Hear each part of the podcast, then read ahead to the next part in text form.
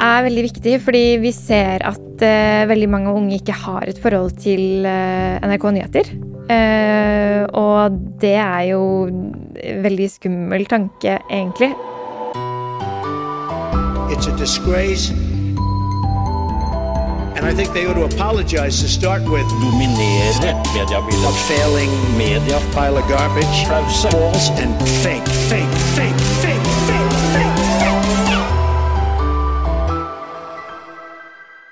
Hun har markert seg som en av NRK Nyheters nye programlederprofiler de siste årene, og brenner spesielt for å nå ut til de unge. Velkommen til Pressepodden, Bahareh Viken. Tusen takk.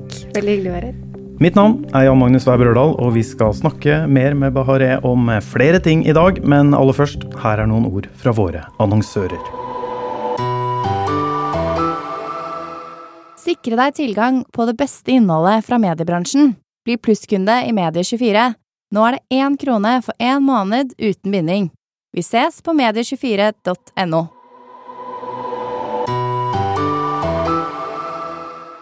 Bahareh Viken, du er faktisk nettopp blitt ny redaksjonsleder for NRK Nyheter Ung. Gratulerer med den jobben. Takk. Må fortelle, Hva innebærer den stillingen? Den innebærer eh, litt forskjellige ting. Eh, først og fremst så er det jo lede redaksjonen. Eh, og det som er litt spesielt med oss, er at vi kanskje jobber på en litt annen måte. Og vi skal være litt annerledes enn resten av nyhetene. Og vi skal på en måte prøve å ligge ett steg foran hele veien. Og vite hva målgruppa Hva som er det neste da, for den unge målgruppen. Akkurat nå så er vi jo mye på Snapchat f.eks. og har en stor konto der. Men det er ikke sikkert vi skal være der for alltid. Eh, så vi må kanskje holde øynene litt ekstra åpne og følge med på alt av plattformer og tematikker og hele tiden vite hva som foregår i en ung person sitt liv da, til enhver tid. Mm. Jeg var jo inne på, det i innledningen. Du har jo markert deg som en, en NRK-profil. Du har også markert deg spesielt da, eh, mot eh, satsinga mot de unge. Eh, hvorfor er dette så viktig for deg? Det er veldig viktig fordi vi ser at uh, veldig mange unge ikke har et forhold til uh, NRK Nyheter. Uh, og det er jo en veldig skummel tanke, egentlig, at de skal vokse opp uten et forhold til NRK. Uh, med tanke på nyhetene spesielt. Um, og så handler det om at man uh, Grunnen til at det er litt ekstra skummelt akkurat med den generasjonen som er unge nå, er fordi at de er mye mer eksponert for alle slags mulige typer kilder. Eh, og konspirasjonsteorier og fakta og feil fakta. Så jeg tror de trenger oss, da, eh, mer enn de tror, eh, for å rydde litt opp.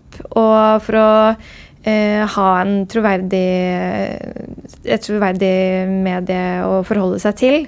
sånn at man ikke blir liksom slukt i den jungla av konspirasjonsteorier. så det tror jeg er ekstra viktig med en generasjon som vokser opp nå. da. Mm, ja, Du var litt inne på det her, at det er, det er skummelt rett og slett, at om ikke NRK når ut til det. Du var litt inne på det, men hva kan konsekvensene av det bli? Altså, Fake news, konspirasjonsteorier, var inne på. Er det andre ting som dette kan føre til?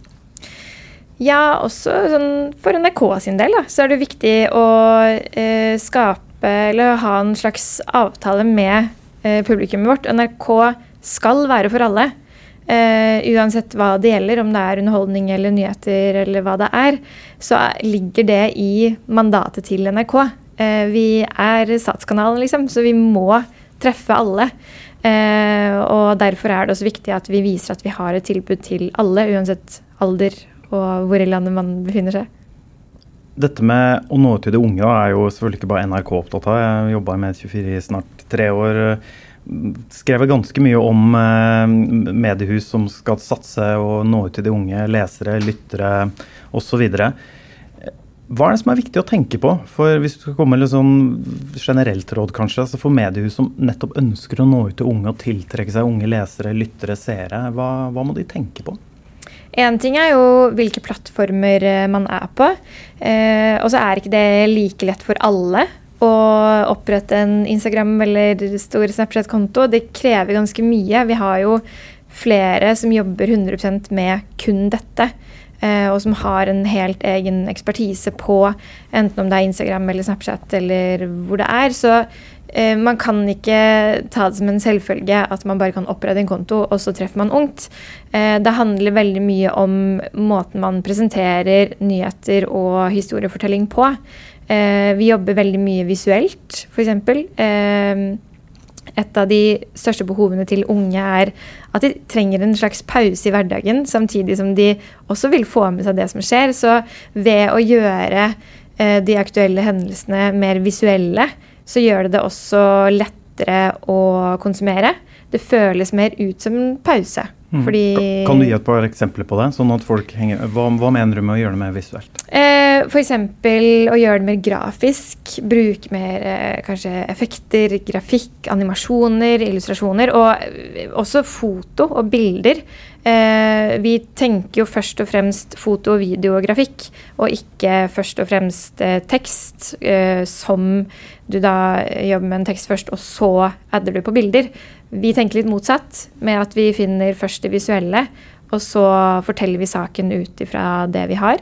Um, og så handler det veldig mye om språk. Det er noe vi jobber ekstremt mye med. Vi går gjennom alle ord vi bruker, uansett om det er Snap eller NRK.no-sak eller hva det er.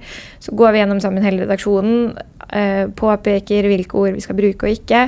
Um, og så snakket vi med en som hadde utplassering hos oss, eh, som går på ungdomsskolen.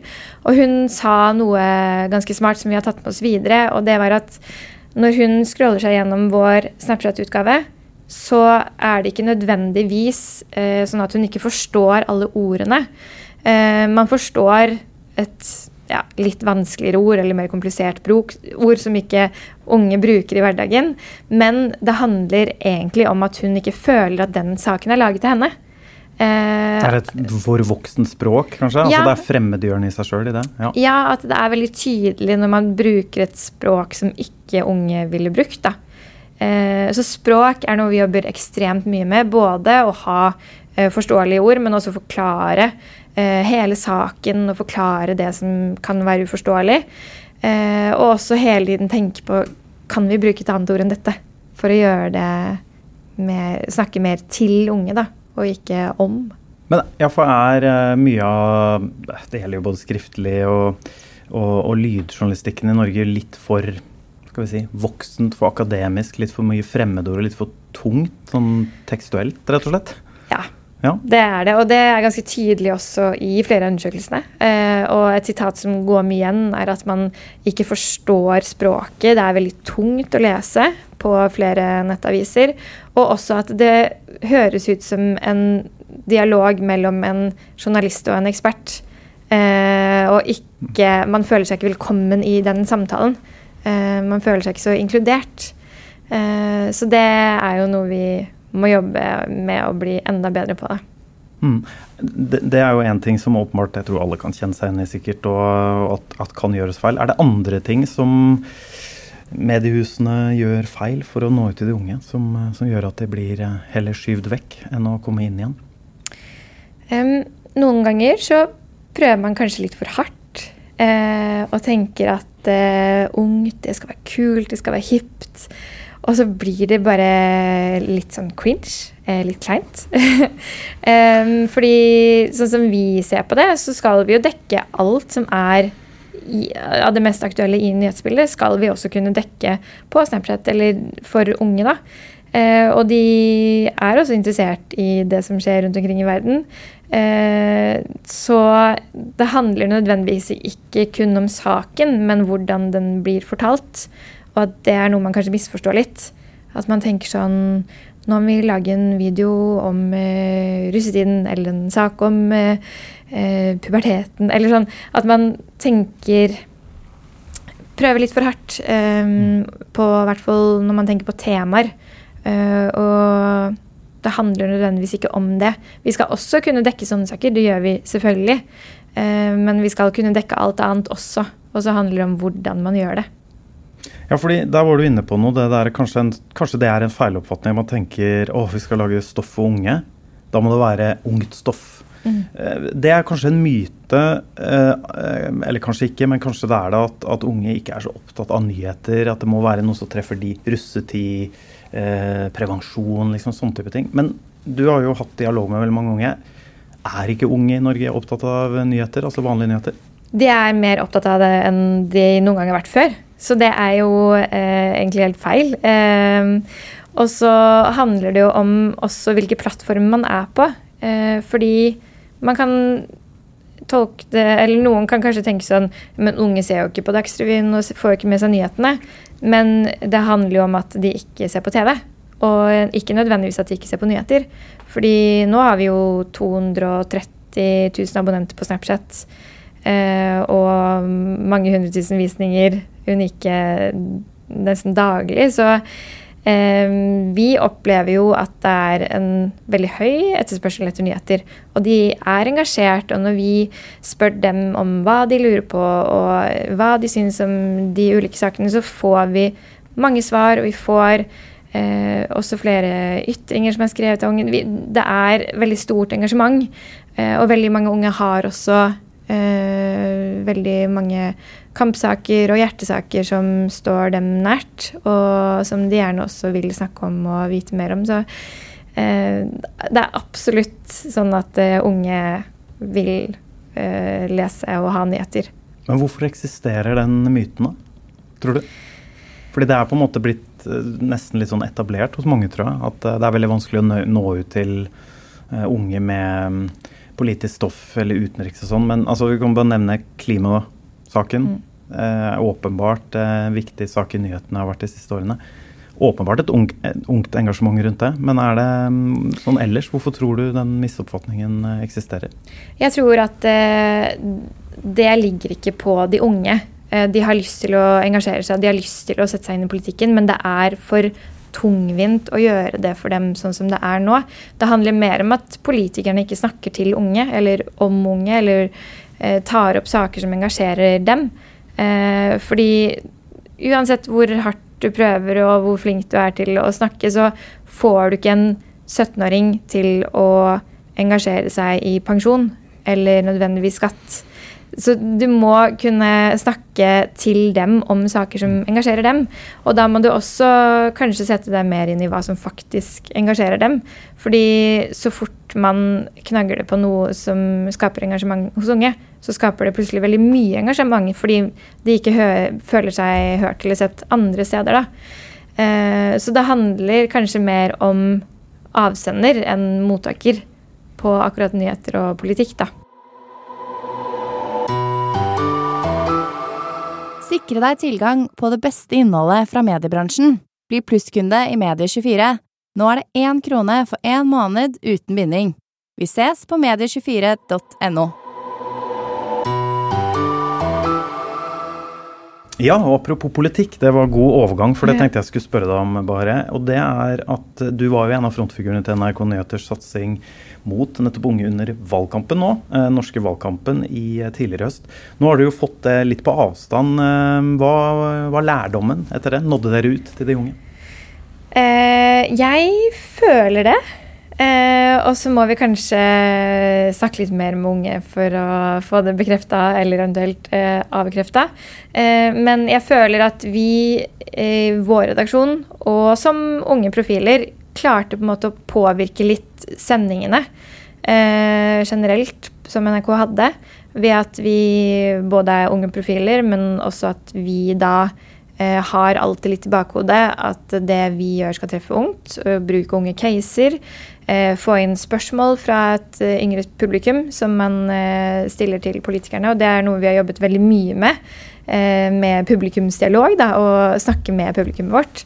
Og stille spørsmål på deres vegne til, direkte til politikerne. Og via det så tror jeg vi har fått på en måte politikerne til å snakke om litt andre ting enn de vanligvis pleier, da. I debatter og utspørringer. For det var jo noe av det som ble snakka en del om under valgkampen, eller etterkant, når resultatet foregikk, at ah, kanskje ikke klarte å, det å engasjere de unge velgerne. Hva var det de unge leserne og lytterne ga tilbakemelding til deg og dere underveis? Altså, var det norske valget noe de var interessert i, og hva var det? Det var vel ikke bare klimasaken som veldig mange poengterte? Nei, og um, sånn som når vi eh, går ut på Instagram eller Snapchat eller nrk.no og spør etter eh, spørsmål som vi skal stille i f.eks.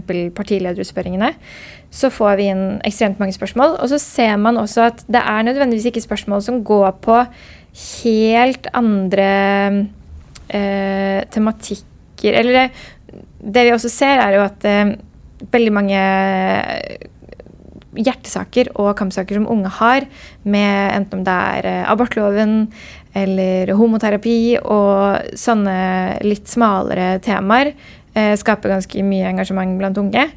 Men i tillegg så ønsker de å forstå mer av det større bildet eh, og de større politiske sakene. Så det vi også ser på spørsmålet, er at det kan være veldig mange av de samme temaene de ellers snakker om, eh, men de ønsker å forstå hvorfor. Og de små nyansene og forskjellene mellom de ulike partiene, det sliter de litt med å forstå. Fordi alle Det er ingen partier som er mot psykisk helse. Eh, spesielt ikke rettet mot unge. Men de forstår ikke når det er snakk om store pengesummer. Den ene nevner så og så mange milliarder, den andre så og så mange. Men man forstår ikke forskjellen. Eh, man forstår ikke hvorfor man skal stemme det partiet istedenfor det partiet når det kommer til f.eks. psykisk helse, som er det eh, nummer én tema blant alle unge. Det viser alle undersøkelser nå. At det er topptema. Eh, og så snakker veldig mange politikere om det. men det vi merker, er at man forstår ikke helt eh, forskjellen. Mm. Kanskje politikerne er heller ikke så gode på å nå ut til de unge, men det er en annen mm. diskusjon som du skal, den skal du slippe å ta nå. Men, eh, men, det du sa der med å, eh, det å forklare og på en måte hva folk er opptatt av Jeg, jeg tenkte jo foruten eh, bare de unge, så har det jo også vært en mye brukt eh, ressurs på eh, det er sånn å svare på spørsmål. Jeg husker tidlig, dere var ganske tidlig på tidlig pandemien. da, Eh, med å svare på koronaspørsmål, altså lesespørsmål. Eh, du har også sett du har brukt, tatt inn i sendinger og sånne ting. Det å være der, til, være der tilgjengelig for seerne og lytterne og svare på spørsmål. Eh, fortell litt om hvorfor dere begynte med det, og hvilke erfaringer du har gjort rundt det. Eh, vi startet jo eh, pga. at pandemien kom, og vi skjønte at det var veldig mange spørsmål folk hadde. og ikke til at vi egentlig hadde svaret på alt, men vi tenkte at vi må ha en tjeneste som kan tilby noe form for svar og dialog. Fordi det var så mange spørsmål og så mye usikkerhet. Eh, og så etter hvert så har det jo utviklet seg, og vi, det var så mye spørsmål som kom inn, og så stor respons. Og vi samarbeidet på tvers av veldig mange plattformer, så det var veldig tydelig at det var en tjeneste som nådde veldig mange, men også som nådde veldig bredt. Og som vi måtte fortsette med.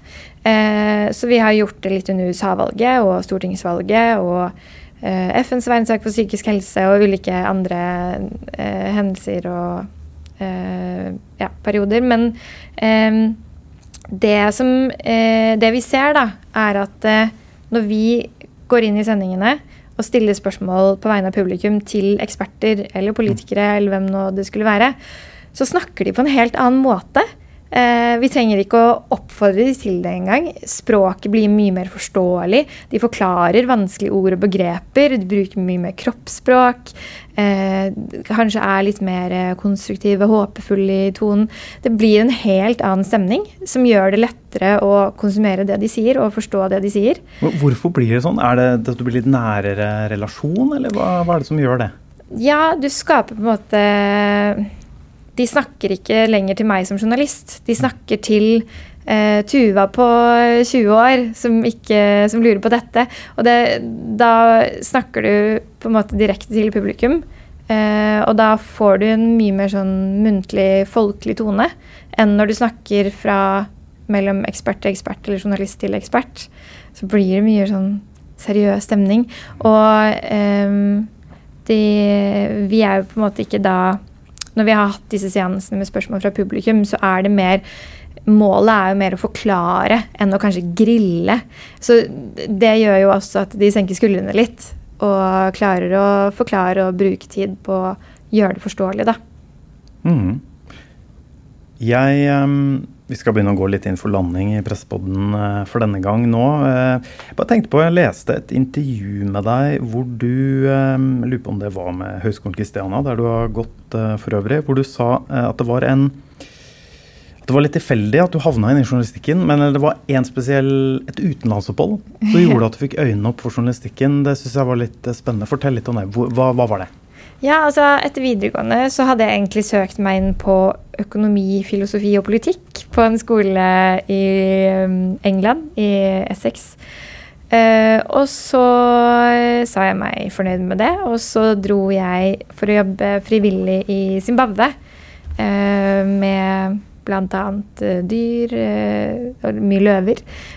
og på barnehjem og kvinneklinikk og ulike ja, med gatebarn. Mye forskjellig eh, som gjorde ga veldig sterke inntrykk, og man fikk høre helt eh, historier som man ikke har hørt om før. Og som det fikk meg til å føle sånn at Disse historiene må jo ut. Vi må jo fortelle det. Eh, og så husker jeg liksom begynte å skrive litt mens jeg var der. Eh, og jeg har alltid vært veldig glad i å skrive. Norsk har vært et av mine favorittfag på skolen fra første klasse. Um, så skriving har alltid ligget der naturlig for meg. Jeg har funnet en stor glede med skriving fra jeg var ganske ung. Um, men uh, akkurat det med historiefortelling følte jeg fikk veldig øynene opp for, og skjønte hvorfor det er viktig uh, å fortelle historier, og også møte mennesker i forskjellige situasjoner og ja, som har en helt annen historie enn deg selv. da. Mm. Og journalistikken eh, fanga deg jo inn, da. Og her er du eh, fortsatt. Er det, foruten NRK sin journalistikk, som du, som du, selvfølgelig jobber tett med, er det noen annen journalistikk i norsk journalistikk som du har eh, latt deg inspirere eller imponere av den siste tida? Ja um, Jeg eh, Nå jobber jeg jo mye med nyheter og litt sånn kjappe nyheter. Men uh, jeg kan bruke veldig mye tid på å lese større gravsaker og se lengre dokumentarer. Veldig fan av dokumentarer. Eh, og en sak jeg kommer på som jeg har brukt veldig mye tid på å lese nå i det siste, er den eh, kjendismanagersaken til VG, f.eks. Der jeg syns de klarer å formidle det på en så nøytral måte som man kan gjøre i en sånn sak. Og det er vanskelig. Fordi du blir fortalt det ene og det andre. Det er veldig mye rykter. Så å klare å sortere det ut og formidle det på den måten som de har klart, er veldig beundringsverdig, syns jeg. Mm. Siste dokumentarserien du så som du Hvis du kan, folk tar et lite tips oh, det. det. er vel eh, Netflix sin eh, om eh, Elon Musk og SpaceX. Da tar vi med alt det tipset inn til helga til de som lytta på denne episoden av Presseboden, for nå er vi eh, ved veis ende. Men en ny episode og en ny gjest er tilbake her i neste uke. Takk skal du ha, Bahare Viken. Tusen takk for meg. Medie24 det er ansvarlig redaktør Erik Våtland. Journalistene Even Hye Tebarka, Toril Henriksen, Endre Simonsen, Kristine Sterud og meg, nyhetsredaktør Jan Magnus Weiber Ørdal. Produsent i dag det var Sebastian Manrikes. Vi høres igjen neste gang.